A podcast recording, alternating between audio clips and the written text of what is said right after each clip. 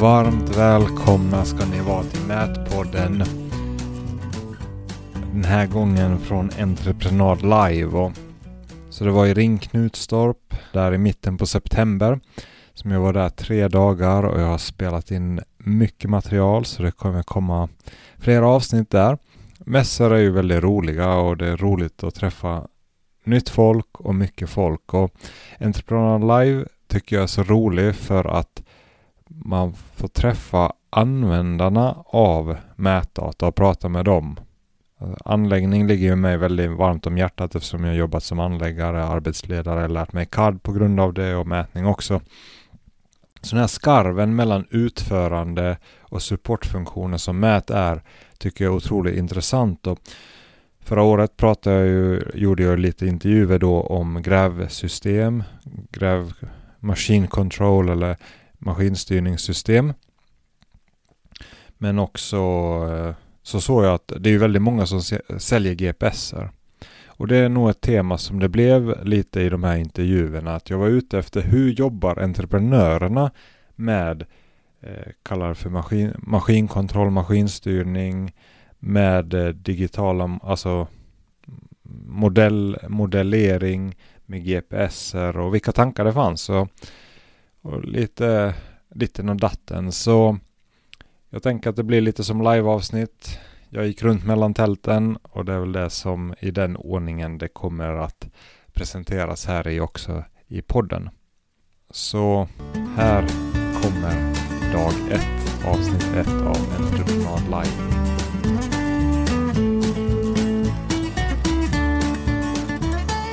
Så då står jag med på Entreprenad Live på Digitizeit. Så vilka har vi här då? Eh, Jonas Andersson, VD för Digitizeit Nordic AB. Valle Jacklin, teknisk chef Digitizeit Nordic AB. Okej, okay, så vad gör ni då? Vad är, vad är er grej? Eh, vi jobbar med digitalisering som det heter så modernt idag ju. Och eh, vi har väl jobbat lite i skymundan kan man säga. Vi har byggt ett system ihop med ett antal företag och maskinister.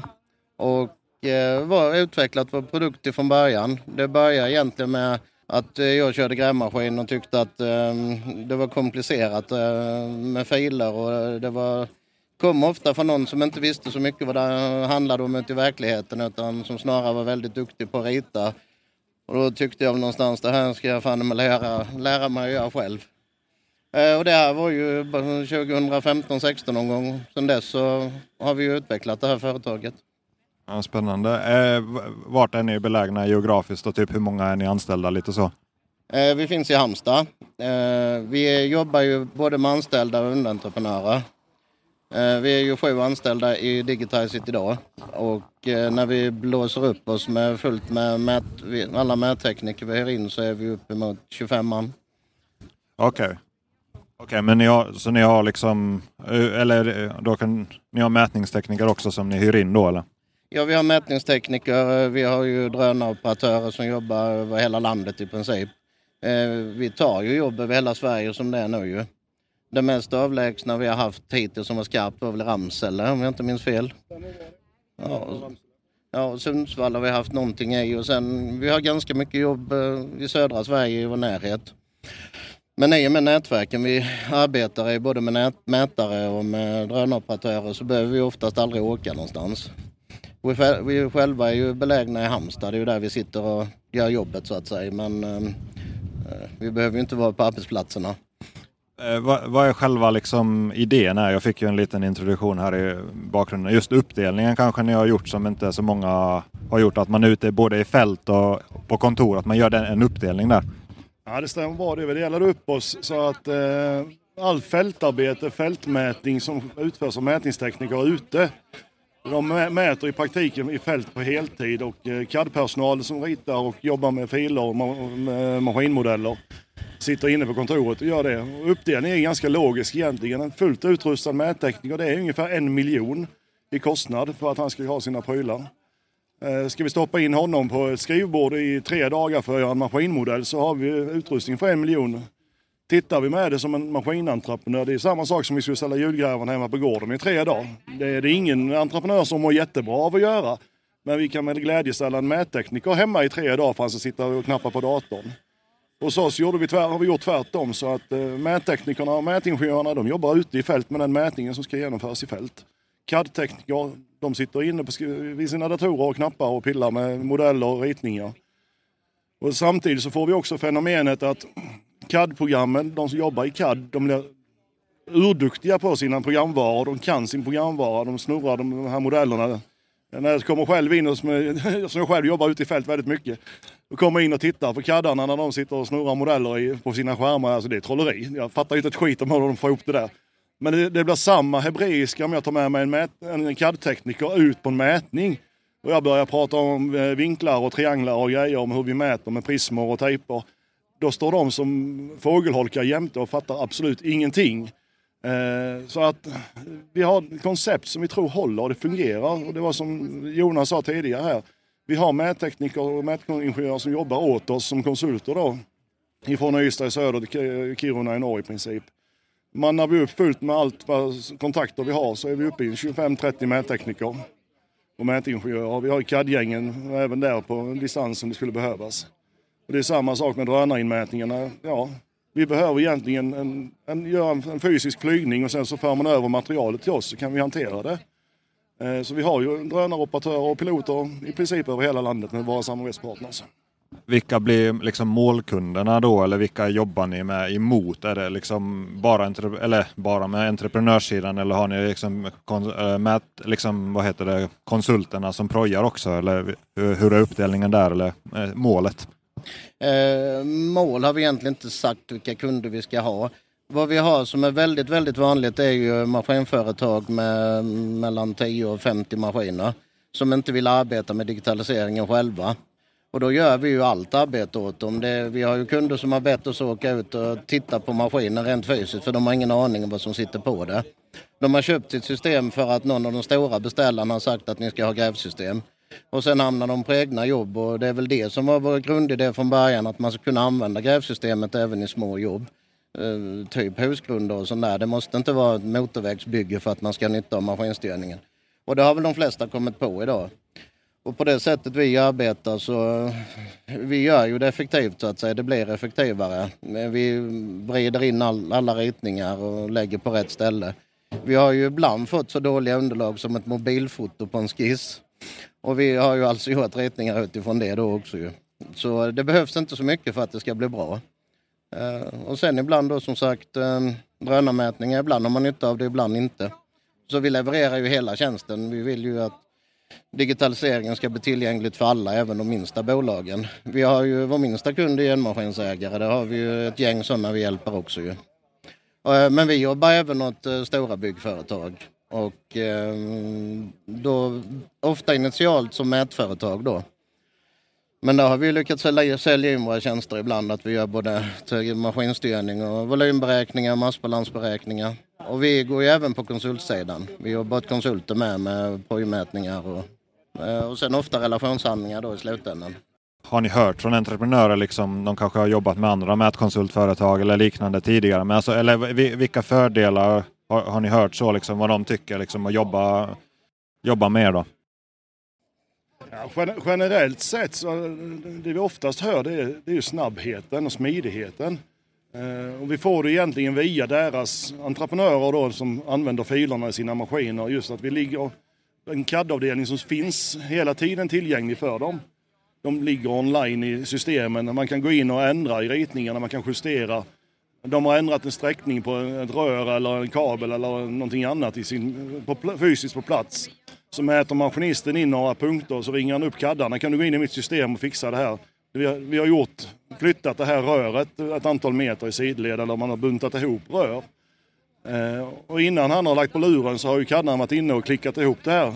Så det, är, det bara flimrar till i skärmen så har ni en ny modell. Eller de förändrade den förändringen i modellen. Så det är just eh, att vi har kaddarna inne. Det, det, det blir en spin-off-effekt att de är tillgängliga också.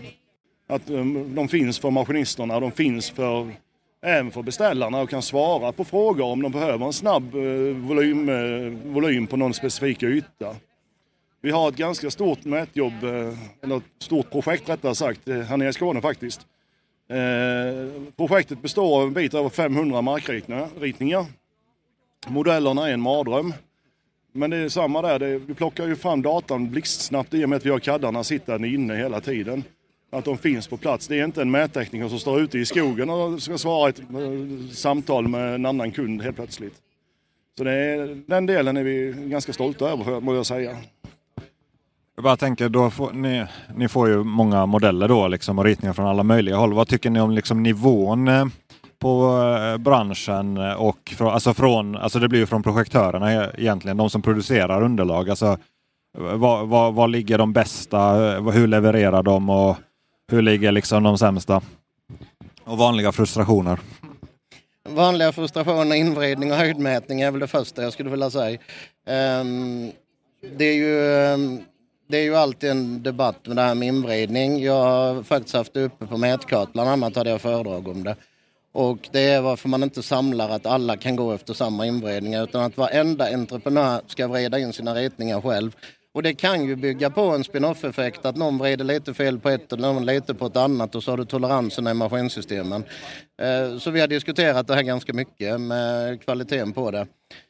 Eh, sen, eh, vi är ju vi är vana vid det nu. Vi lägger ju väldigt, väldigt mycket tid på att vrida in ritningar och höjdsätta dem. För det är oftast är det ju... Ja, man får 2D och den som har ritat uh, har ofta ingen aning om att det här ska användas till maskinstyrning. Det springer vi ofta på. Uh, och sen på många stora byggen så vill man ju egentligen att allting ligger rätt. Man, eh, till exempel en skola vi hade för nyligen nu, då, de vill ha in varenda bänk och papperskorg och cykelställ och allting ska ligga på rätt ställe. Så att de slipper utsättningen helt och det är ju då det blir väldigt ekonomiskt det här ju. Sen är väl vår fördel att vi kommer från branschen i princip alla som jobbar med det här utom CAD-specialisterna. Vi har två nya som inte är från branschen. Men de har en otrolig kunskap i CADen istället. Och samlat så ger ju det här att vi är väldigt duktiga på att göra enkla ritningar som innehåller just bara det man behöver och inte mer. Och i och med att vi ofta har kontakt direkt med maskinisten så får ju maskinisten ritningarna som han vill ha dem. Han pratar direkt med den som gör kadden och det är vi nog ganska unika med att man kan, de kan få det precis som de vill. Eh, och det vet jag att många kunder har uppskattat jättemycket med oss att det här är perfekt, att ni gör precis som jag vill ha det.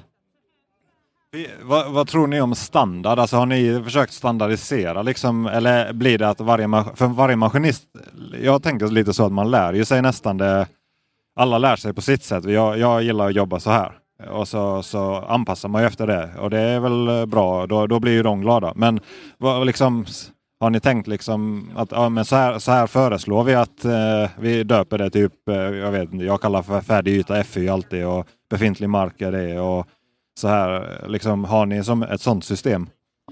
Ja, eftersom vi har många kunder som överlåter hela digitaliseringen åt oss, som jag nämnde tidigare, att åka ut och titta på maskinen, vi vet inte ens vad vi har. Då blir det ju ofta att då gör ju vi förslag. Och de maskinisterna, de får ju givetvis vara med och påverka, men givetvis har vi ett eget system som vi följer. Och det är som du säger, färdighytta, det, det behöver inte vara komplicer mer komplicerat än så. Uh, och ofta rensar vi ju, för får vi från konstruktörer och um, arkitekter så är det ju hiskligt mycket lager och det blir komplicerat i grävsystemen. Så vi rensar ju ofta ut och packar ihop och gör det logiskt för en maskinist. Hur, eh, just det med invridning, jag har tänkt, alltså, vad, vad, tycker ni är en bra liksom, sätt att kvalitetssäkra det? Alltså att det inte blir det där, att, för det, det, det, gör man fel där så kostar det mycket i slutändan. Det är där, där konsultförsäkringen som får täcka vissa grejer. Då. Men att hur, eh, liksom, så allmänna punkter, hur, vad är, har ni för rutiner för att liksom, göra så att det inte blir fel? Nej, den riktiga noggranna riktig och så gör vi det själva med totalstation emot eh, vad heter det, polygonpunkter självklart. Eh, det är ju enda sättet att veta att man verkligen är rätt på det. Eh, ibland är det ju komplicerat eh, att få det rätt. Men det är en väldigt, väldigt viktig del. Den måste ju göras rätt ju. Jag bara tänker, brukar, ofta får man ju någon markritning som har koordinater och så har resten inte koordinater. Liksom, hur, hur, hur, ser man till att allt underlag får den, ja, den invridningen? Alltså, vi, säger, vi säger som ett, okay, ta ett praktiskt exempel. För ofta kan vi säga man får markritning så har man kanske huset, i alla fall lite större byggen, så ofta mark, eh, markritaren har ju det i koordinater. Men så kanske de inte använt rätt storlek på byggnaden då. De har eh, någon gammal eh, äldre variant på hus, huslivet. Och så får man K-ritningarna och så matchar de inte riktigt. Det diffar 10 cm åt något, något håll. det, det, man, ofta går funkar det ju man bara vrider in mot mitten eller tar någon sida. Det här blir bra. Men liksom skulle det bli debatt där så tänker jag där är man ofta lite löst ute. Men alltså vad, liksom, vad, vad skulle ni gjort i en sån situation? Ja, vi har varit ute för den situationen många gånger. Eh, och ofta på ritningarna så är det ju hiskligt mycket streck och man vet ju inte riktigt vilken som är husliv och vilken som är vadå. Eh, och det har vi faktiskt ringt och kontrollerat de gångerna eh, med den som har ritat. För det står ju i princip alltid på ritningen. Sen brukar de inte vara lätta att få svara tag på. De brukar inte tycka det är jätteroligt att svara på det. Eh, men de gångerna det har varit så, så har vi gjort så. Om vi inte har kunnat mäta ut i verkligheten och se att någonting... För ofta finns det ju grejer med på ritningen som finns på riktigt. Eh, men det är ju egentligen där alla oklarheter kommer in dessutom. För är den ritad helt rätt eller inte? Ritad på en grundkarta så, för, så förlänger man fasaden. Det är aldrig rätt. Eh, om, man, om man bara lite, vilka, typ, hur ser programstrukturen ut? Alltså vilka program använder ni? Typ hur, hur hanterar ni filer? Hur delar man filer med maskinisten? Hur ser de? Kan de titta på modellerna? Vad, hur tänker ni kring det? Eh, ja, där har vi flera olika lösningar. Vi använder ju i grund och botten, pratar vi fotogrammetri fotogrammet 3 så är det Pix 4D vi använder. Och vi har ju även en egen plattform där drönaroperatörer kan gå in och lägga in sina egna foto mot betalning eh, per foto istället för ett abonnemang få sina egna 3D-modeller. Är det egenutvecklad eller har ni... Ja, ja, spännande. Den, den är egenutvecklad men vi använder Pix 4D Engine till att driva den så att säga. Eh, sen använder vi ju TopoCAD som CAD eh, och de är ju väldigt duktiga på att hantera punktmoln och hantera... Ja, de har ett bra sätt att arbeta. Vi trivs bra ihop med dem och, har haft mycket eh, vad heter det, Möte och träffar och debatter med TopoCAD genom åren. Eh, och kommit fram till väldigt bra lösningar. Eh, så, eh, men nu tappar jag bort mig lite. Ja, men topp och så har ni er molntjänst. Har ni vi sånt bekymmer, eller bekymmer, alltså, ofta, jag tycker det är smidigt att man kan få låta maskinisten eller kunden se själva terrängmodellen eller den. Hur, hur, delar man det på ett smidigt sätt? För de har ju oftast inte programmen då, så om man skickar en land XML till dem så vad ska vi göra med den? Eh, det går att se genom vår plattform också. Eh, det går att få inloggningar där. Nu är det inte jättemånga som har velat göra det utan vi har kört dem till systemen och sen tittar de där. Eh, den är, det är pyttelite kvar innan den här släpps helt öppet live. Den, vi jobbar med den i en demoversion än så länge. Men där finns möjlighet att använda både punktmål, man ser sina CAD-filer och allting dyker upp i den. Så där är CAD-visare. Intressant. Vad har man för mer? Har du några tankar? Ja, på, på fältsidan så eh, använder vi ju Magnet Field som fältprogramvara. Vilket? Magnet Field. Så, eh, ja, det är eh, programvara som ägs, eller ägs, som tillhör Sokias instrument. Så, Ni kör med Sokias grejer då eller? Våra egna instrument eh, är Sokias eh, grejer rakt igenom. Sen vad våra underkonsulter då använder sin egen utrustning i, om de har eh, Leica eller vad de har för utrustning, det, det är upp till dem själva. Vi styr ju egentligen bara vilket format vi vill ha in datan i. Och det är samma när vi flyger så använder vi ju själva Pix 4D Capture. Men det är ju ingenting som säger att våra underpiloter måste använda Pix 4D Capture utan vi efterfrågar en viss data, en viss eh, standard på den. Så att den i format och eh, kvalitet. Sen i övrigt så eh, får de ju använda den programvara som de är mest bekväma med. Det är en produkt vi köper, köper in av dem, eller de levererar till oss. Där vi egentligen bara gör en teknisk specifikation och säger att vi ska klara av X, Y och Z. Sen om det är Pix4D Capture eller det är DJI Mapping eller vad du har använt, det är upp till dig själv. Eh, men sen som sagt, egna instrument, då har vi uteslutande Sockias produkter. Eh, den är lite, jag tänker punktmoln och så. Hur, jag tycker det är ett bekymmer att de, alltså, vektorisera punktmoln. Alltså ofta har du, du flyger och så vill du, du Fördelen med när du mäter längs en vägkant är att du får den polylinjen eller en 3D polylinje som du får höjder och som du kan använda som brytlinje sen. Flygningen får ju jättemycket data, all data finns ju där men du kan inte använda det på sådär uh, omedelbart. Alltså hur, hur, hur gör ni där för att ta ut den datan om man behöver den? Till exempel befintlig asfaltskant och liknande som man ska ansluta till sen i terrängmodellen. Eh, det använder vi faktiskt Pix 4D Survey. Eh, Ni kör med den? Vi kör med Pix 4D fullt ut. Eh, den asfaltkant som du nämnde är den inte perfekt. Eh, vägmarkeringar funkar den helt hundra. Den är alldeles utmärkt. Eh, så det kräver ju lite handpåläggning efteråt. Men de säger ju själva att de jobbar på att utveckla den och de brukar bli bättre och bättre för varje uppdatering när det är såna här. Det är ju ändå ett relativt nytt program ju.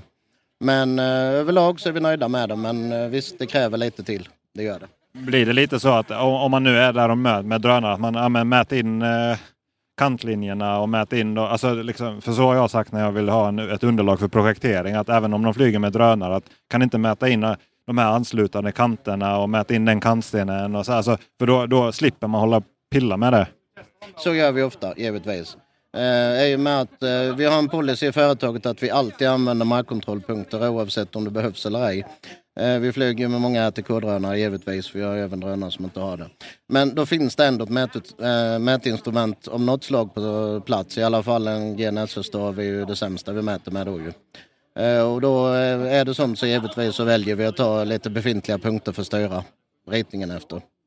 Där, om man nu börjar prata lite om kvalitet, det, jag tycker det är jätteintressant hur man kontrollerar, alltså hur man, hur man ser till att man får bra kvalitet. Men som ett, vi säger en drönarflygning då med markpunkter, hur, hur, gör, hur gör ni där? Tar ni också liksom kontrollprofiler eller hur, hur kollar ni själva modellen sen att den är bra? Ja, det vi lägger in eh, både markkontrollpunkter och vanliga kontrollpunkter självklart. Och då mäter vi ju, ja, mäter vi bak mot kontrollpunkterna som är lagda. Det betyder att vi lägger inte in dem som en GCP utan de bara finns där. Och sen mäter man dem efteråt ju. Hur många brukar ni ha? Eller, eller säg, rättare sagt säger SIS eh, 21, vad heter den, 21144 någonting? Kon, kontroll av digitala markmodeller. Någonting för er? Uh. nej, nej, jag bara kollar. Det är nästan ingen. Men på trafik... Eh, har, har ni gjort jobb för, alltså mätjobb, riktiga mätjobb för Trafikverkets projekteringsinmätningar? Vi är på gång med ett, men vi är inte där än. Nej, nej, jag bara frågar. För där, där är ju jätteintressant, för de kravställer ju, nu pratar jag här, men eh, de kravställer ju att man kontrollerar en markmodell. Det finns en leverans som heter kontroll och markmodell. Och då hänvisar man till en eh, SIS eh, som finns.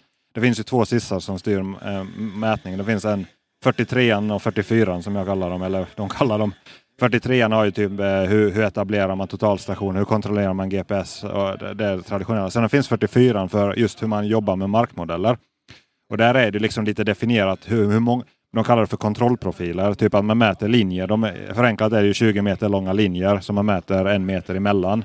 Så man gör liksom ett antal då. Och då, ska, då finns det en formel. Om vi säger en markmodell har berg, skog, eh, grus, asfalt. Så ska man ha ett antal profiler på varje markslag. Och så finns det en liten enkel formel baserat på hur stor modellen är. Så, och då, då ska man ha det antalet och sen då använder man ju dem på det sättet att när man har TRM eller terrängmodellen så kör man ju de linjerna med en Z-diff på varje och så får man en avrapportering. Och så ska den hålla sig inom vissa toleranser. Då får man både, kollar man både medelavvikelser, standardavvikelser och max och minvar. Och det, blir, det blir ju väldigt, det är ju, den är ju lika enkel, alltså den är ju superenkel att göra. Men det är väldigt, väldigt få som överhuvudtaget, alltså jag pratar med, jag bara känner du till det, känner du till det. Men det, det, alltså den är jättebra resurs och den är enkel att fatta så, men det är, väl, det är konstigt att man, den inte är så här liksom, det är så här man gör med drönare, för det är ett väldigt vanligt bekymmer. Ja, nej, vi är på gång med den upphandlingen där som sagt, så då lär vi ju stöka på det. Eh, men som sagt, vi har bara använt kontrollpunkter tidigare. Eh, om man, om man tänker så, fel som blir vid drönarflygningar, har du så här liksom vanliga missar eller så? Eh, vad som händer. Eh, vad måste man vara uppmärksam på?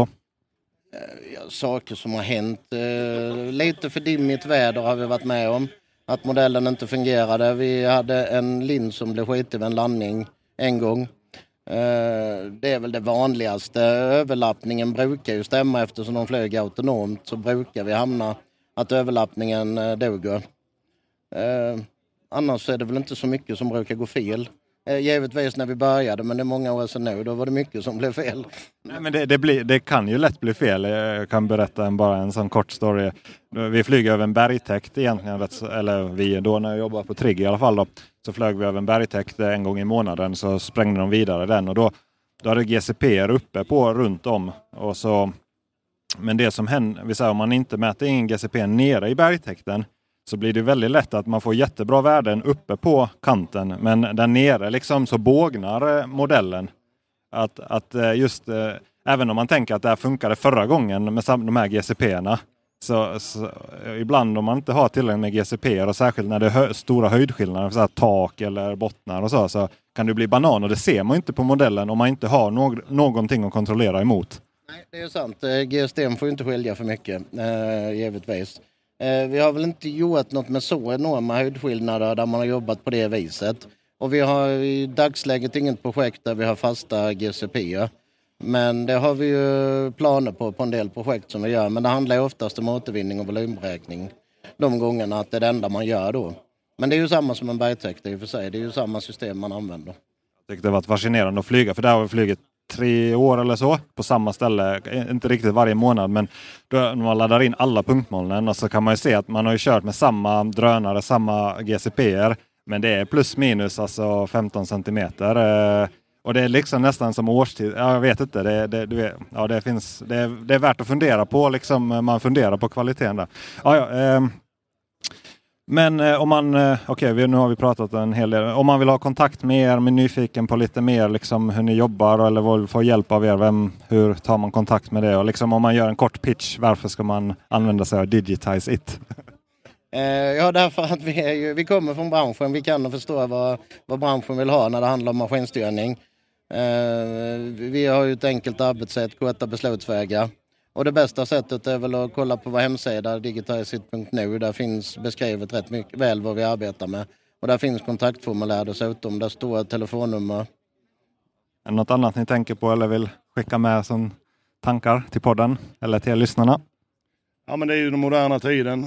Hemsidorna är väl så igår enligt våra yngre lyssnare. Så att vi hänvisar till de sociala medierna där vi finns både på Facebook och LinkedIn. Det är bara att söka efter Digitizeit hittar ni oss där. Och det, vi försöker uppdatera när vi är ute och där finns lite bilder från verkligheten. Tack, tack så mycket för intervjun.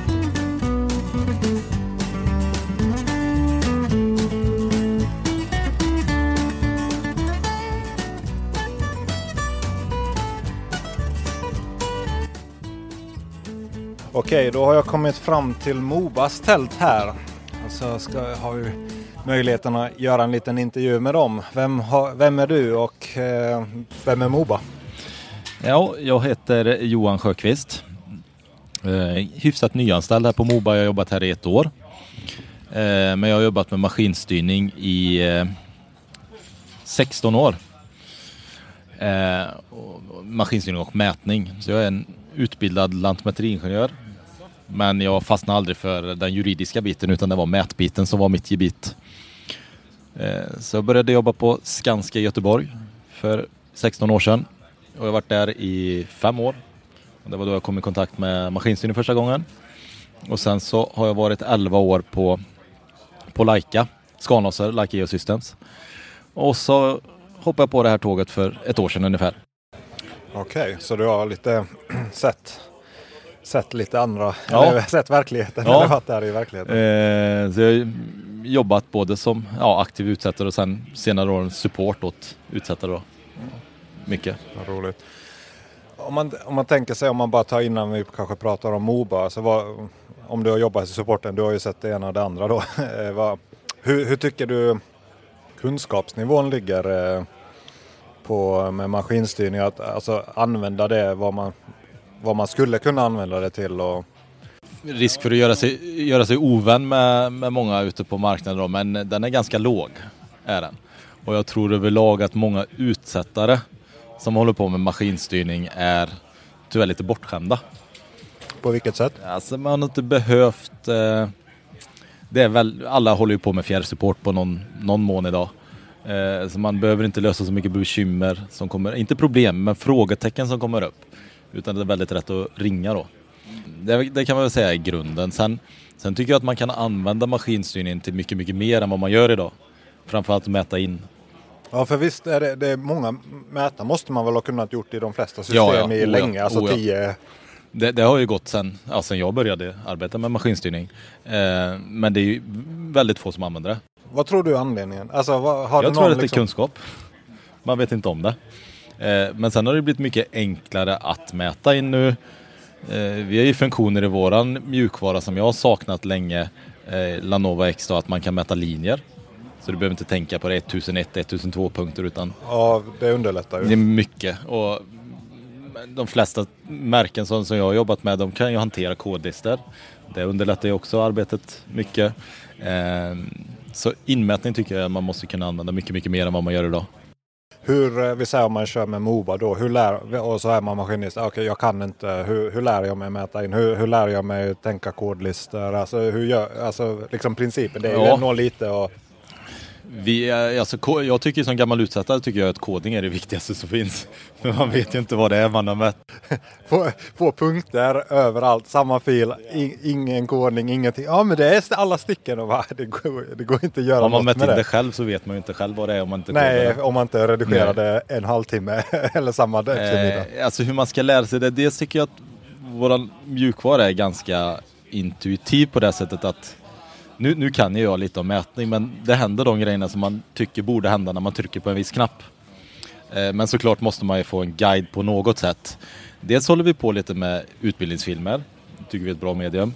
Eh, men så finns ju vår fjärrsupport som kan göra en första, första guide hur man kommer igång.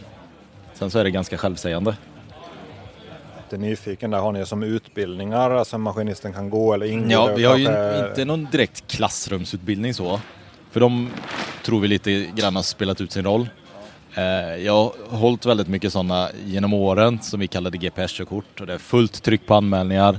Men så kommer man på i sista sekunder att nej, vi kommer inte för vi har en viktig körning. Mm, eh, utan det är nog mer utbildning on demand om det finns någonting som heter så.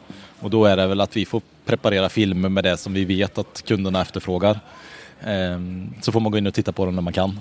Ja, ja jag tror det är ju liksom framtidens melodi helt klart. Och det finns ju mycket, de flesta hemsidor som jag är inne och tittar på har ju Q, eh, FAQ. Och jag tror inte det är så många som läser dem. Men alla stöter ju på samma bekymmer. Så där finns ju mycket svar. Filmer är mycket bättre än text. Så är det ju att eh, liksom anläggningsbranschen, AD, eller ADHD-nivån och eh, dyslexinivån måste ju vara liksom högre ja, än Jag väljer att kalla det kan själv-nivån. Alla ja, tror att de kan bäst själv. Men det, också, men det finns ju inga dumma frågor. Nej, nej, men, nej men text, alltså, så är det ju. Text är jobbigt. Alltså, det tar om man inte är van alltså, att, att se det, hur man gör, vilka knappar trycker man på. Och det kan ju hända lite med, med mjukvaran så att det har kommit någon uppdatering så att översättningen på knappen är annorlunda än vad det står i guiden. Så det är, det är såklart lättare att titta på rörligt material. Men vad, om man mobar då som, eh, ja, man, vad kallar vi maskinstyrning, maskinkontroll, vad är tekniska termen? Jag ja, det är ju, maskinstyrning. Ja, det är ju båda grejerna vi håller på med egentligen.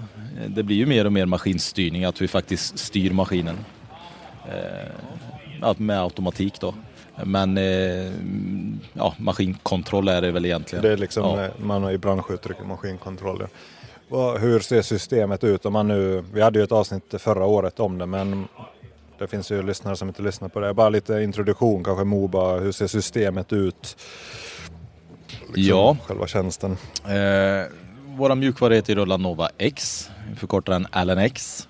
Ganska lik den mjukvaran som, som fanns innan som bara hette Lanova. Man har städat upp lite, fixat en huvudmeny där man väl kanske kommer åt de grejerna som man inte använder speciellt ofta. Så man har fått ett renare eh, user interface. Eh, ganska så intuitivt så att man faktiskt förstår och de grejerna som man tycker borde hända 2022 händer. Just med när man zoomar och swipar. Eh, för de flesta sitter ju med en telefon och man vill göra samma, samma sak på en, på en skärm hur ser systemet ut rent hårdvarumässigt med sensorer och ja, sånt där? När vi tänker en maskin då så måste vi sätta en, en eh, vinkelmätare på allting som kan röra sig. Och en grävmaskin börjar med att hela kroppen kan röra sig. Underredet på maskinen är tämligen ointressant. Utan det är ju kroppen som är det första som kan luta åt, framåt eller bakåt eller i sidled. Sen så sätter vi på GPS-antenner givetvis för att mäta någonstans. Eh, där ett tycker vi då själva, ett hyfsat bra säkerhetstänk så våra GPS-antenner sitter ju fast monterade i rören. Så du behöver inte som pilot gå upp på morgonen och skruva på dem och du behöver inte ta ner dem på eftermiddagen. Det är ju bra ur säkerhetssynpunkt. Jag som lite mer tekniskt intresserad kanske tycker det är ännu bättre att du slipper eh, slösa på kontaktstycket. För det är ju ändå vår svagaste länk från satelliterna som är 2000 mil bort. Att vi ska kunna få ner signalen i en, eh, i en bra mottagare. Sen så sätter vi ju på vidare fram på bom, sticka, skopa. Och det är ju ganska enkel matematik egentligen, det är en längd och en vinkel. Men sen så använder vi ju våran mjukvara Lanova även i våra rovrar. Och det tycker jag, det ser jag stora fördelar med den roverlösningen som vi har, att det är samma mjukvara. Den är inte lik, utan det är samma. Så här, du förklarade bra hur man, ja, vi har inte så bra koll på hårdvaran på maskinstyrning men det är sant. Allting som rör sig måste du mäta och kompensera. Ja, alltså rent tekniskt, om man bara lite för, ja, hur, hur, hur vet den med hydrauliken? Alltså, eller eller hur, hur, att skopan rör sig, hur, hur tekniskt håller den reda på? Mäter den liksom tryck eller vad som Nej, händer i ju, det är ju hydrauliken? en eller vinkeländring vinkel? som sker. Och då vi- känner den liksom att den rör sig? Ja, eller? den mäter ju vinklarna då helt enkelt. Och vi kan ju sitta och titta ut över en grävmaskin här nu och då ser vi ju att vi ser en bom och vi ser en sticka och vi ser en skopa. Och skulle stickan av någon anledning ändra sig i längd, då har det hänt något brutalt på den, för då har den gått av. Så längden kommer inte ändra sig. Eh, på, på någon del i hela systemet. Eh, så funkar det i teorin. Att vi har fasta längder, vi har rörliga vinklar. Eh, har man en längd och en vinkel så kan man ju ganska enkelt räkna ut någonting. Men sen så ska man ju använda skopan till någonting och använder man den och gräver i material då kommer skopan slita sig. Det är därför att en pilot måste kunna kalibrera en skopa, för den ändrar sig i längd. Och då stämmer ju inte det förhållandet att vi har en fast längd. Utan då måste man kalibrera om den lite olika ofta beroende på vad man använder för material och vilken noggrannhet och precision man vill ha. Hur, eh, när du nämner precision, alltså ett totalmått på noggrannheten på ett sånt här system. Alltså säg att det är nykalibrerat och allt är skött och så. Hur skopspetsen när du får en koordinat där, alltså om man jämför det med då en, säg en totalstationsmätning som är Ja. ansluten till Alltså vi har ju, vi, vi presenterar ju våra 3D noggrannhetsvärden som vi får från GNSS-mottagaren. Eh, vi, vi presenterar den med, med två decimaler så vi ser centimeter noggrannhet, så den står ju allt som oftast på 0,01. Men det ligger, vi, vi tar emot de här eh, GPS, GLONASS och Galileo och de här öppna signalerna som finns där uppe idag. Så vi får ju väldigt mycket satelliter. Så vi ligger ju någonstans 12, 13, 14, 15 millimeter större delen av tiden när det funkar. Eh, sen kanske man grovt kan säga att då har vi lika mycket till fram till mätpunkten på skopan. Så vi ligger någonstans på, på tre, 30 millimeter. och det är till standardosäkerhet Ja. då, Ja. om man Ja. uttrycker det så. Ja. Hmm, intressant. Om man då bytte till det du nämnde innan, rover. Det är ju intressant för det är ju många som börjar komma med rovrar då. Och ni, då antar jag ni har en egen, Precis. eller egen brandad. Ja, eh, där har vi en, eh, en MOVA-brandad hemsfärmottagare. Och den är faktiskt ny sedan, vi fick den precis innan Svensk Maskinmässa. Eh, Så den har varit med oss ett tag nu och det är en potent mottagare med tilt. Stora fördelen med den då, tilt, tilt ska ju alla ha idag som håller på med rovrar. Eh, Men jag, så- den stora fördelen med den som jag ser det, det är ju att vi kör samma mjukvara. Det är ju inte en rover som vi i första hand vänder oss till kanske dig och mig som vet hur man mäter. Utan vi vill ha fler funktioner och kan hantera fler funktioner. Utan det är ju en rover som vi som vänder sig kanske till arbetsledare, mindre företag, maskinister som även vill ha en rover. Och då blir tröskeln väldigt låg när, när det är samma mjukvara. Hur tänker du eller var det liksom reflektioner över det här att anläggarna har en, eller anläggningsföretagen har en rover och att kunna använda den? För jag, jag har ju pratat lite med olika här. Det finns ju, jag, jag är ju lite av den uppfattningen att det kommer bli som en tumstock eller är som en tumstock. Mm. Eller, eller säg planlaser då. Att det är en utrustning som kom anläggningsföretag för att vara ett effektivt anläggningsföretag förväntas ha. Att, att du inte betalar mättekniker 800 spänn i timmen för att mäta med en, pi- en pinne som Ja. inte kostar så mycket i slutändan. Men däremot andra ytterligheten är ju den eh, är ju hur vet du att eh, gubben som knappt vet vad GPS eller hur det funkar, hur får man kvalitetssäkringen om de mäter in fiber? Hur vet man att de inte kör med en floatlösning eller kör med ingen ja, navig- Det är en ganska så intressant fråga det där faktiskt. Liksom, ni, ni har ju support och ni har ju praktiska utförare. Så vad har du för liksom, spontana tankar kring det? Det, det finns ju helt klart en risk med det. Eh, framförallt det här med, med en, en stav som man förmodligen varenda gång man packar in den bilen fäller ihop. Och så tar man ut den. Att man verkligen har den här förståelsen med att det har kraftig betydelse om jag sätter den på 2 meter eller 1,8 meter beroende på vad jag knappat in. Och det, jag tycker det blir ännu viktigare när man har tilt. Eh, även om man inte är intresserad av höjden så kommer ju plankoordinaten bli en helt annan. Så det kräver ju att man talar om eh, vad som faktiskt kan hända. Det är inte bara att man har fixlösningar och så går man ut och tutar och kör. Utan, eh, länge tillbaks skräckexempel när man startat upp en maskin, 3D-maskin med hyresutrustning så ber man om att få en plushöjd för det vill man ju alltid ha för att kontrollera mot arbetsplatsen. Och utsättaren ställer sig under bom och sticka. Det blir ju inte speciellt bra. Men eh, så det är en, en, risk, en risk faktiskt som man måste ta, ta i beaktande. Det är väl alltså, vet man inte hur man gör något så vet man inte hur man gör det. det är så här, alltså man måste ju lära sig men jag tror det är en det måste ju bli att anläggarna i alla fall får en grundläggande förståelse för hur, hur GNSS fun funkar och att du får korrektionsdata, alltså någon form av liksom lite hum om det. Men visst, alltså, men jag tror att det, det går ju att lära sig. kan, man, kan man läsa ritningar så borde man ju kunna ja, lära sig det också. Så länge vi inte sätter en eh, totalstation i handen på varje ja, det, gubbe så, det, så går det, nog ganska bra. Men vad, hur blir, om man nu tänker datan i samma mjukvara där, eh, hur ser, da, alltså man pratar ju om, alltså det blir ju fort, alltså först, första steget är att få koordinater men sen nästa är ju hur, ja, hur vet man vilka koordinater det är? Det är ju kodlistorna som vi pratar om. Sen nästa är ju hur, vad gör vi med de här datat? Alltså, och då pratar man ju liksom, du har lite data i din handenhet, du har lite data i grävmaskinen. Eh, alla, idag har väl alla molnlösning. Eh, hur, hur, ser det liksom tänkta dataflödet eller en, vad har ni för tankar kring det? Så våra, vi, våra mållösningar heter Excite Manage och den har egentligen bara funnits i lite drygt ett år. Den kom i, i augusti 2021 och innan det så var det ju en välbeprövad FTP-server. Som väl kan, det är ju att likställa med, med ett USB egentligen. Då får du koppla upp det till varje enskild maskin. Så det blev ju skillnad då när vi fick Exact Manage. Eh, det som våran mjukvara är uppbyggd med är att den synkroniserar sig var fjärde minut mot molntjänsten. Så finns det en ny fil på Excite Manager så pushas den ut och senast fyra minuter efter den är upplagd.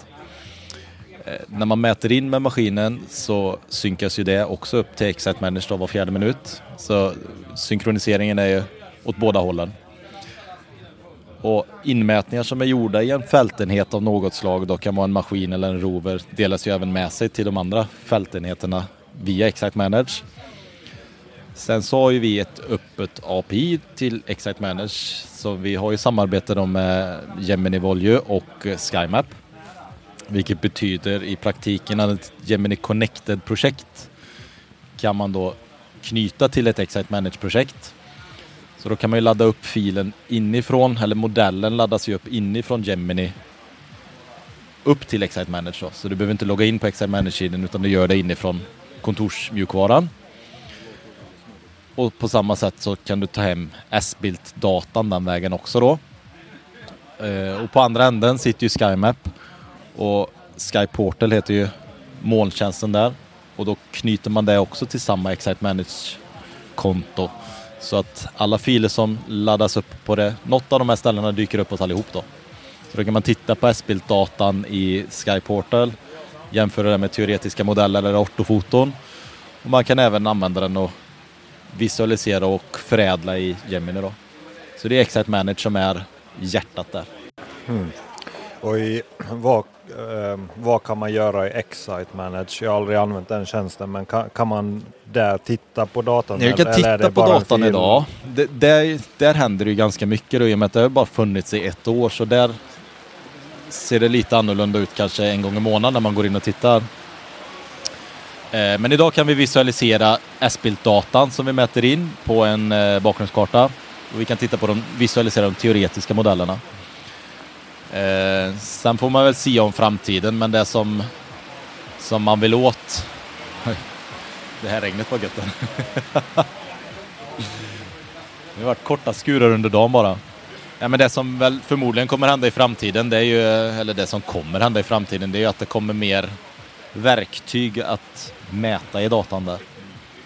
Eh, 3D-biten är väldigt stor där också. Men det som de flertalet använder idag, det är ju för filöverföringen. Vi sitter ju på det dagligen för att köra fjärrsupporten. Eh, så det är det det används till framför allt. Och det är att skapa enkla verktyg för alltså de, de verktygen som man utvecklar både på Skyportal och på Excite Manager i framtiden. Jag tror personligen inte att det är verktyg som en, som en utsättare kommer att använda. För utsättaren kommer alltid ha ett vassare kontorsmjukvara för att göra volymberäkningarna i. Eh, utan det är att, att skapa ett, ett enklare handhavande så att arbetsledaren eller vem som egentligen kan göra en, en, en potent uppskattning av schaktvolymer. Ja. Och jag tror den, den uppdelningen måste det ju bli.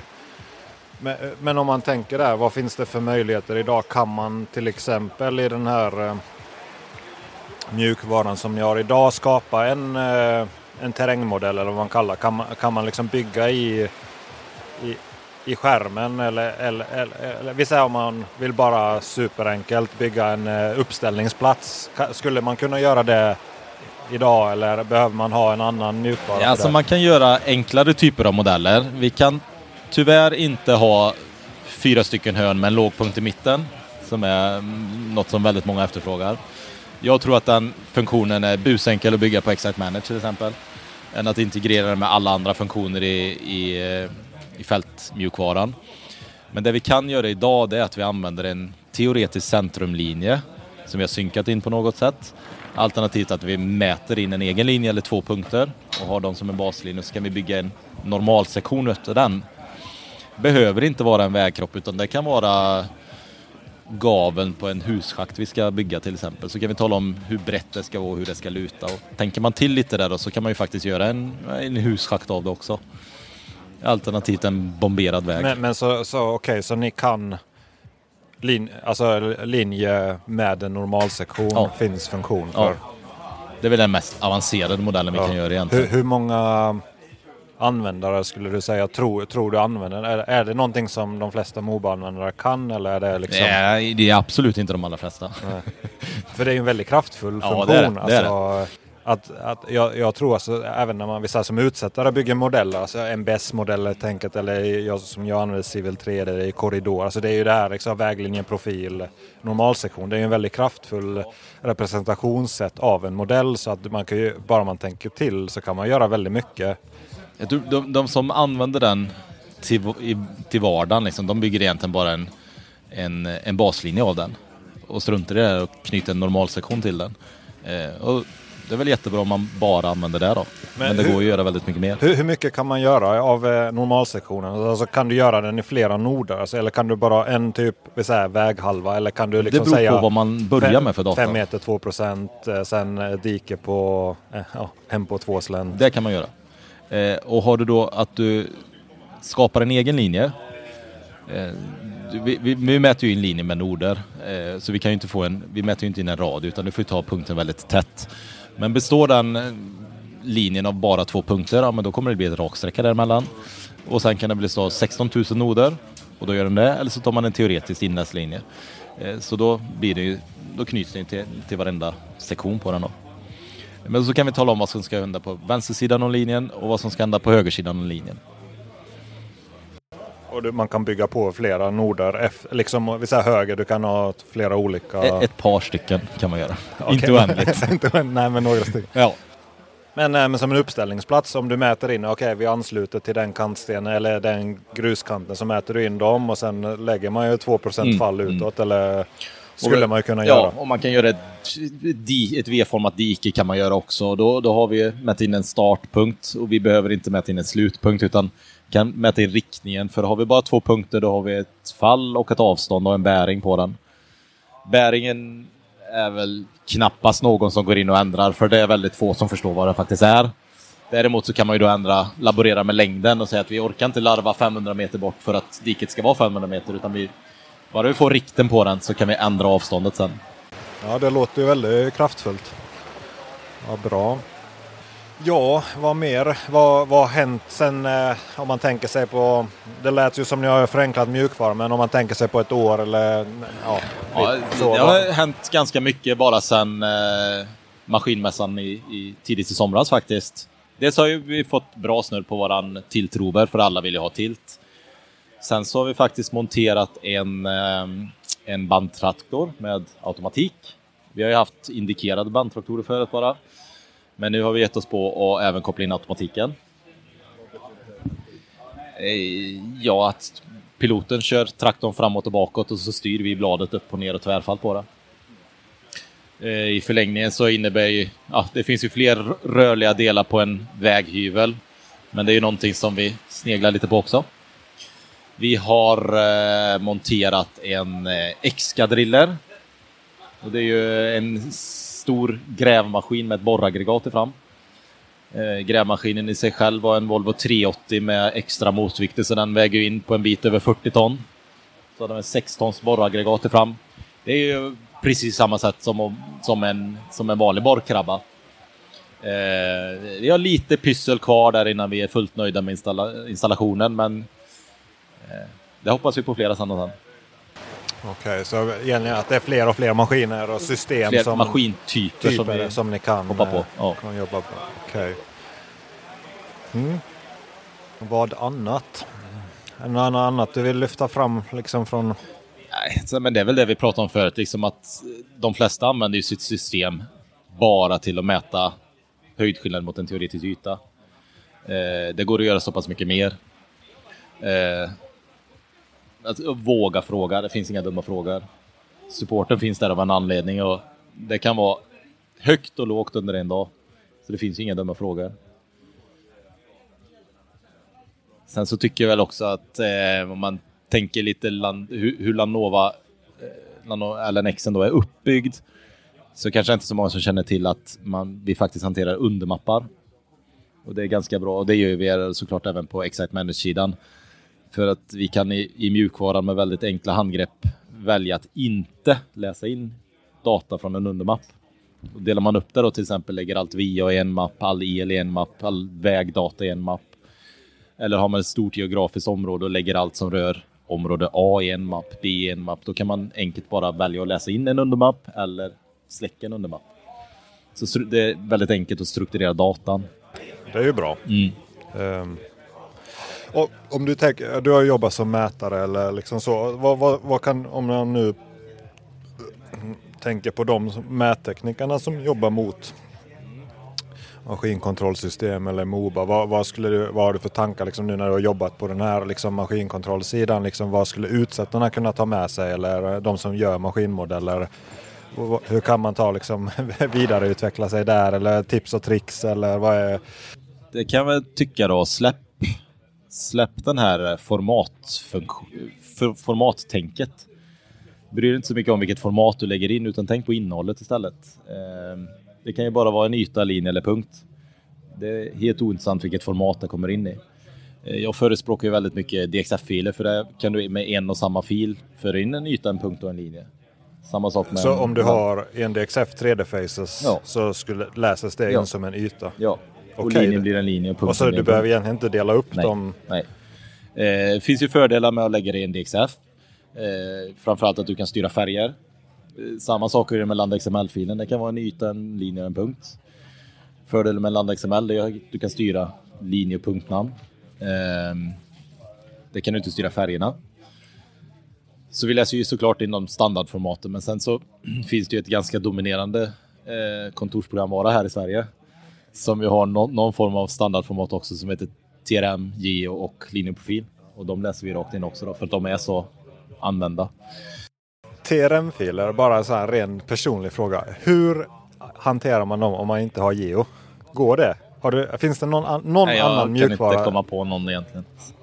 Det, det, är mitt bekymmer just nu för jag, jag köpte inte Geo. Nej. Med, för jag har Gemini Civil 3D. Ja, och då, är det, då måste jag be någon snällt hela tiden att konvertera. Det, det, är ju en fördel om man bara tänker ytor så är ju en stor fördel med att släppa terrängmodellen och gå på DXF eller LandXML. Det är att ytorna kan ju korsa varandra på ett helt annat sätt. Där. Då kan du lägga in alla vägens lager till exempel i en och samma fil. Eh, det kan du inte göra i en terrängmodell. Jaha, men så, så du menar att i en DXF, om man till en Moba-maskin då, då skulle jag kunna ha dem som 3D-faces i olika... Olika lager. Hur, hur fattar den det? Ja, de, de är ju kodade på olika Ja, de är olika sätt. lager. Ja, Om man, precis. att, då Så, känner så länge de heter de samma sak, då kommer det varna för att det är korsande ytor. Eh, men det, det ska de ju inte heta. Eh, och då, då kan du det finns ju för och nackdelar med att lägga mycket data i en fil. Men eh, vi, vi kan ju komma åt att tända och släcka lager också. Eh, jag tycker ju att all, som, som mättekniker eller modellbyggare så ska man ju veta det att man bygger ju väldigt sällan modellen för sig själv utan man bygger den för någon som ska använda den. Så lyssna på den som ska använda den och gör det så enkelt som möjligt för den personen att använda det.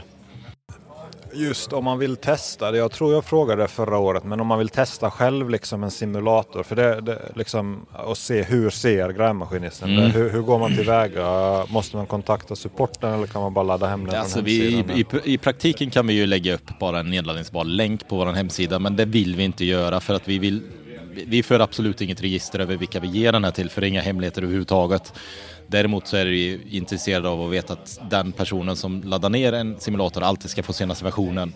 Så vill man ha simulator så, så ringer man våran support. Ja, men så, då ska jag göra det. Så laddar man ner den bara och den är ju den är väldigt verklighetstrogen. Så man kan köra runt och höja och sänka och mäta in och man kan koppla den till, till Excite Manage också så man får en kläm på den där biten också.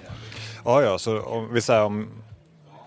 Ja, jag bara tänker, för det är ju man vill veta liksom när man gör modeller så liksom hur, hur uppfattar de det? Det är det som är det så svåra. Och framförallt nu tycker jag när man inte åker med USB-stickor så ser du ju aldrig maskinisten och vet hur jobbar de. Du får inte den här personliga kontakten. Så jag tycker det är rätt så gött att i alla fall åka dit och prata med någon gång som har fått ansikte. Hur jobbar du? Hur vill du jobba? För, visst är det så att det finns ju ingen standard utan varje gram, alltså det är ju, det är ju lik, eh, same same but different, men alla grammaskinister har ju mer eller mindre lärt sig själv att jobba med systemet och då är det ju, ja men jag är van så här. Så har det funkat bra med någon utsättare någon gång i tiden. Då blir det måttstocken för hur det ska gå i framtiden också. Ja, Men den simulatorn är väldigt bra för den- är så pass verklighetstrogen då.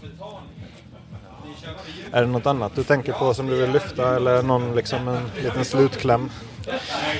Ja men alltså, var inte rädd för att fråga. Eh, använd Excite Manage för att komma åt dina maskiner. Och där har vi två olika varianter då som vi kan lägga upp det på. Då. All utrustning som vi levererar lägger vi ju på en, ett konto som vi, vi ger till kunden. Kunden administrerar helt och hållet det kontot och kan bjuda in då mätpersoner eller tredjeparter till det kontot och styra att de ska komma åt enskilda projekt eller så vänder man på det att, att mättekniken styr allting och så lånar man in maskiner. Och, ja, det som är bra med Excite Manager är att det är gratis för alla parter. Så det, ska man, ju- det, det är aldrig förknippat med en kostnad så tveka aldrig att använda det. Så, så om man har Moba-maskiner så skulle liksom ett mätföretag också kunna hantera det? Ja, antingen gör man så att vi, jag startar en firma som heter Johan Skräv så kan jag bjuda in dig och komma åt alla mina projekt. Eller så styr jag att du ska bara komma åt projekt 1, 3 och 7. Och då kommer du inte åt de andra projekten där för det kanske jag bjuder in någon konkurrent till dig. Eh, min, mina enheter då kommer ju ha ett unikt, vi kallar det för DBSN-nummer. Och så länge du har tillgång till det DBSN-numret så kan du lägga till min enhet på dina projekt som du har då. På ditt, eh, ditt konto. Eh, och när du tycker att jag har gjort mitt där på arbetsplatsen då tar du bara bort mig och fyra minuter senare så kommer ju det ske en synk och då uppfattar min eh, att här finns inte jag kvar längre och så försvinner filerna då.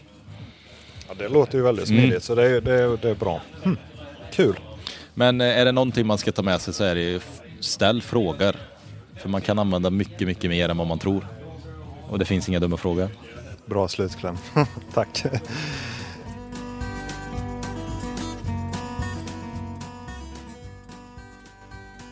Två eh, väldigt intressanta intervjuer.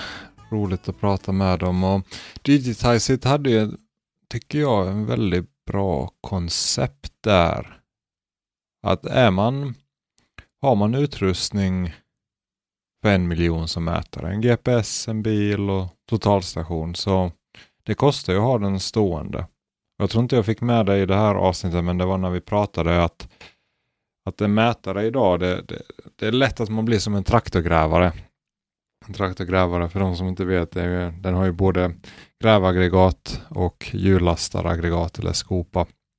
Och man, man, det beror på hur man säger det, men bra på, bra på det mesta eller dålig på det mesta. Men att man, man blir inte specialiserad och klart, eh, det finns ju behov av det också. Men att nog är det så här att mycket av arbetet går mot databehandling.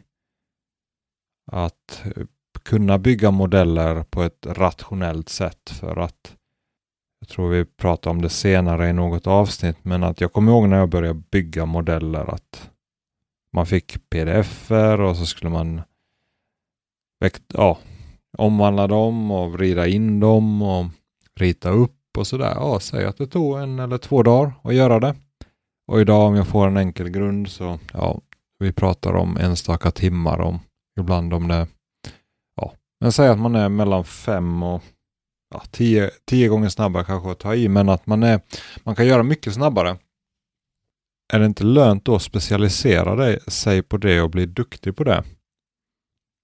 Ja, det är en bra fråga och, och samma sak där med tillgängligheten och det, det är någonting som är väldigt viktigt för entreprenörerna att ja, om det blir en revidering så är det ju alltid bråttom men, men en vanlig så kallar det för en vanlig mätare. Han är ute och mäter någonting och så är han ute i skogen eller har något uppdrag och han kanske inte ens kan svara på telefon medan entreprenören vill ha den här eh, omedelbara tillgängligheten eller projektingenjören. Eller så att ha den här uppdelningen av fältpersonal och modellpersonal var väldigt intressant och det kändes som Johan också han använde termen modellbyggare där i intervjun så det är någonting som eh, definitivt jag tror vi kommer få se mer av och det blir en, som i alla yrken, en, eh, en eh, rationalisering. Att en snickare, han kan ju bygga,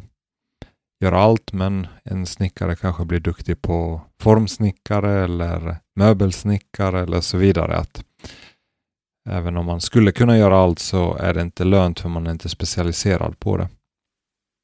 Och även det här med invridningar var någonting som vi Digitizeit nämnde. Jag tycker den eh, problematiken, den är, ja jag har ingen bra svar på den, men att där ha en checklista och kanske också eh, om man har gjort en invridning och dela med sig av den, om vi kallar för transformationsparametern att dels inom, innan, inne i för, sitt eget företag och då också kanske utåt också, att det kanske blir som en gällande handling hur man har vridit in. För det där stöter man ju på och det är väldigt lätt att det, det är ju där den stora missen kan bli i ett bygge. Att man vrider in mot fel saker och har man bråttom som har hänt både en och annan gång det är ju där det blir fel. Så att där komma överens om någon form av standard, hur man gör det och vilka kontroller man har gjort. Jag kan ju bara ta upp som exempel hur jag gjorde på och började göra på eh, vissa projekt då. Nu har jag inte sparat den filen här när jag spelar in. Men i princip att man dokumenterar, okej okay, jag fick in, jag fick de här filerna av den och den och på det datumet. Kommenterar varifrån kom georefereringsinformationen ifrån. Och förhoppningsvis kommer den från nybyggnadskartan men det kanske kommer från markprojektören. Och eh, sen kollar man om måtten stämmer. Både från tomtgräns och stämmer det med ortofoto. Stämmer måtten överens med andra handlingar. Eh, är det rätt referenssystem? När man har vridit in det, stämmer alla hörnen mot varandra. Man zoomar in och släcker och tänder modellen, att eh, det matchar varandra. Om det diffar, finns det en logisk förklaring? Är det, har huset förlängts åt ett håll eller åt alla håll eller och så vidare. Och så att man sparar den här transformationen och till exempel en rotation och en skalning eller koordinater och så vidare. Man skyddar ju sig själv och sen också kunna delge den till andra att skicka det, det här har jag gjort, det här är mina förutsättningar, är ni nöjda? Kanske inte är någon som säger något, men då har man i alla fall skickat iväg det. Så att ha någon form av standardisering där och även att andra får reda på vad som har hänt. tror jag kan vara till en stor fördel. Ja, det är lite spontana tankar kring det. Men sen kring eh, Johans eh, och Mobas eh, del där. Mina reflektioner och anteckningar här är att det, det, finns ju väldigt stora fördelar att lära maskinister att mäta in eller rättare sagt utnyttja sin utrustning på ett bästa sätt. Och där tror jag som och där, där får man fundera, vem, vems uppgift är det där? Ja, det, det lär, det, ja, såklart det företaget som har, äger utrustningen i främsta hand måste ju ha det. Men frågan är inte om mätaren kan ha en roll där. Eller är det så att nej, han är för långt borta. Och, men om det inte finns någon där som driver på den tekniken. Jag tror det, det är ett enkelt sätt som mätare att ge mervärde att kunna lära maskinisten. Och jag tror den här personliga kontakten blir så viktig att även om vi inte träffar varandra på arbetsplatserna lika ofta kanske om man, ja, om man är mätkonsult då, så fjärruppladdar man mycket men, men att kunna ha den här personliga kontakten är väldigt viktig så att man också kan lära maskinisterna.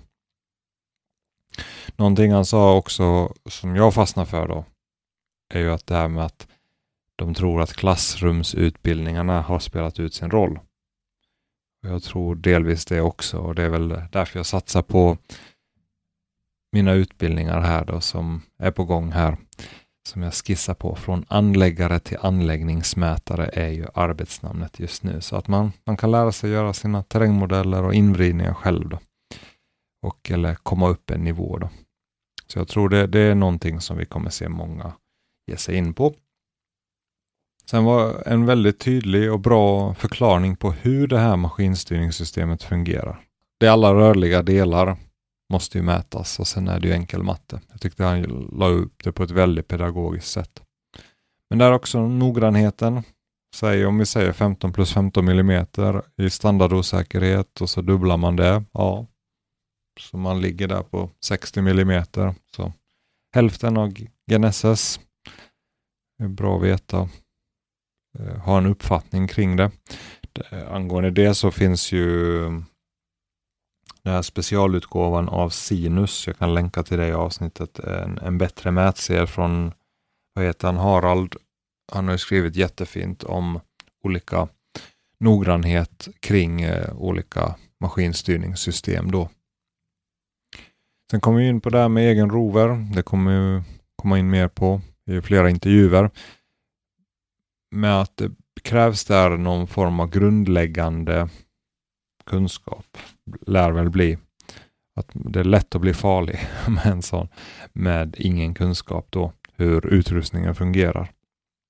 Men jag tror som Johan sa att mätprogramvaran i kontorsprogramvaran kommer alltid vara kraftfullare än den som man kan ha som fält. Så frågan blir ju då hur ser det samarbetet ut hur kommer samarbetet att fungera på ett bra sätt mellan mätkonsulten och entreprenören när entreprenören börjar få mätkapabilitet?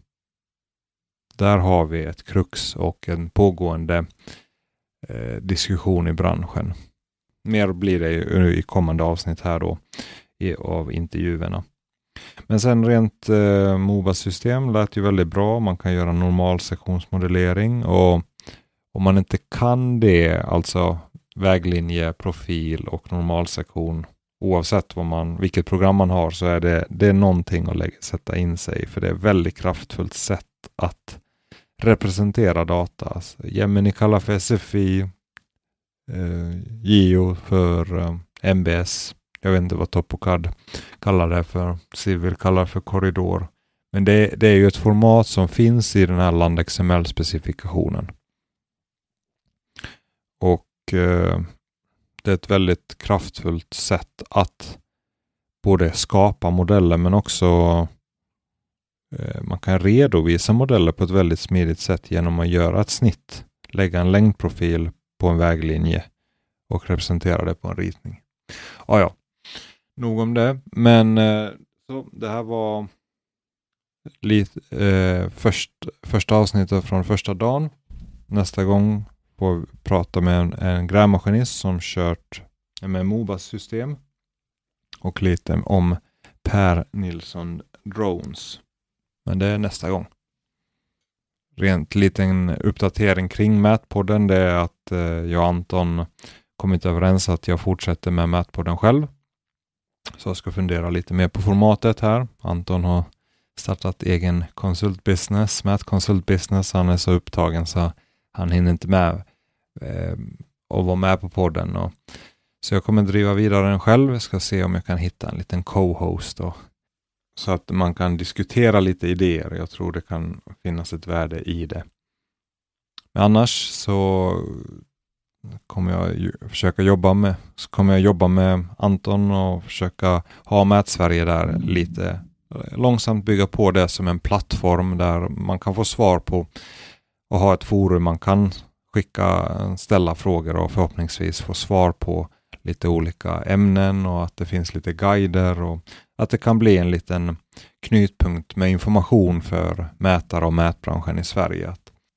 Så jag vill gärna uppmuntra dig om du har frågor eller möjlighet att svara på frågor och ställa dem där på forumet så försöker vi hålla det vid liv så att det kan bli en plats där man också kan byta ut tankar. Så en liten shout-out till Mätslusk som är aktiv där och svarar på en del frågor och, och många andra där. Och, och vill man ha kontakt med mig så både mail och mobilnummer det finns ju på min hemsida landskaparen.se så det är bara att gå in där.